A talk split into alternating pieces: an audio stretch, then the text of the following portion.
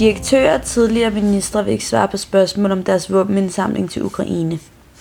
Den danske Ukraine-komité ønsker hverken at stille op til interview eller svare arbejderen skriftligt på spørgsmål om deres indsamling til våben til Ukraine.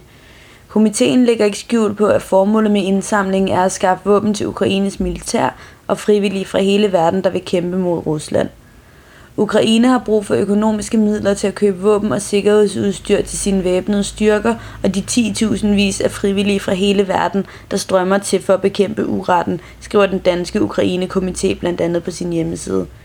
Bag komiteen står blandt andet managing partner i kapitalfonden Polaris, Jan Johan Kyl, Global CEO, øhm, FFW Group, øh, Michael Kofod Stensborg Drejer, Martin Thorborg, IT-direktør, godsejer Thomas Foss og tre forhenværende ministre Henrik Sass Larsen, Søren Pind og Uffe Ellemann Jensen. I sidste måned overførte komiteen 25 millioner kroner til Ukraine, oplyser den danske Ukraine-komité på Twitter.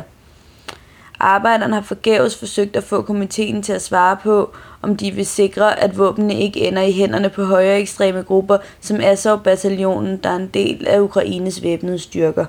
Samt hvad komiteen tænker om meldingerne om, at Azov-bataljonen tiltrækker højere ekstreme fra andre lande og giver dem våbentræning i en sådan grad, at Storbritannien har indført foranstaltninger, der skal forhindre britiske højre ekstreme i at rejse til Ukraine og tilslutte sig Azov-bataljonen for at få militær kamperfaring.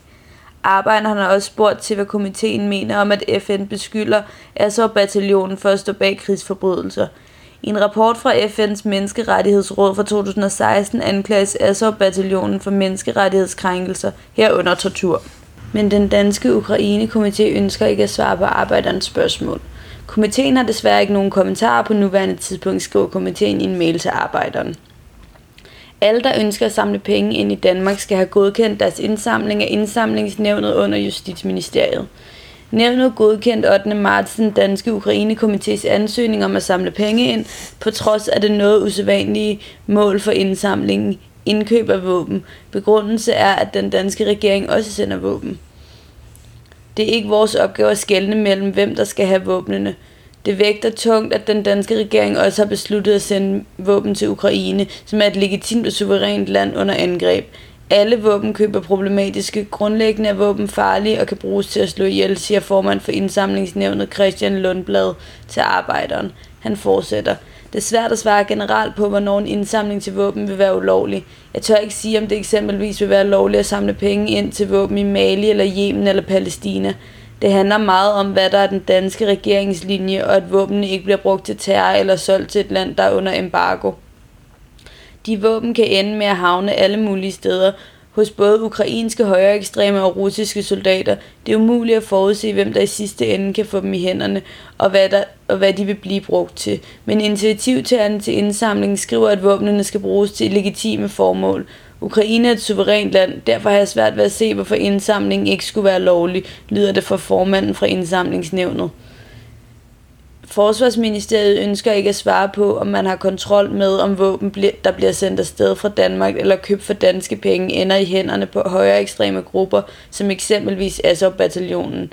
Ministeriet ønsker heller ikke at svare på, om regeringen har betænkeligheder ved, at våben afsendt fra Danmark eller købt for danske penge risikerer at ende hos nynazistiske grupper som Azov-bataljonen. I en mail til arbejderen skriver Forsvarsministeriets presseenhed, Forsvarsministeriet kan af operationelle hensyn ikke gå i nærmere detaljer.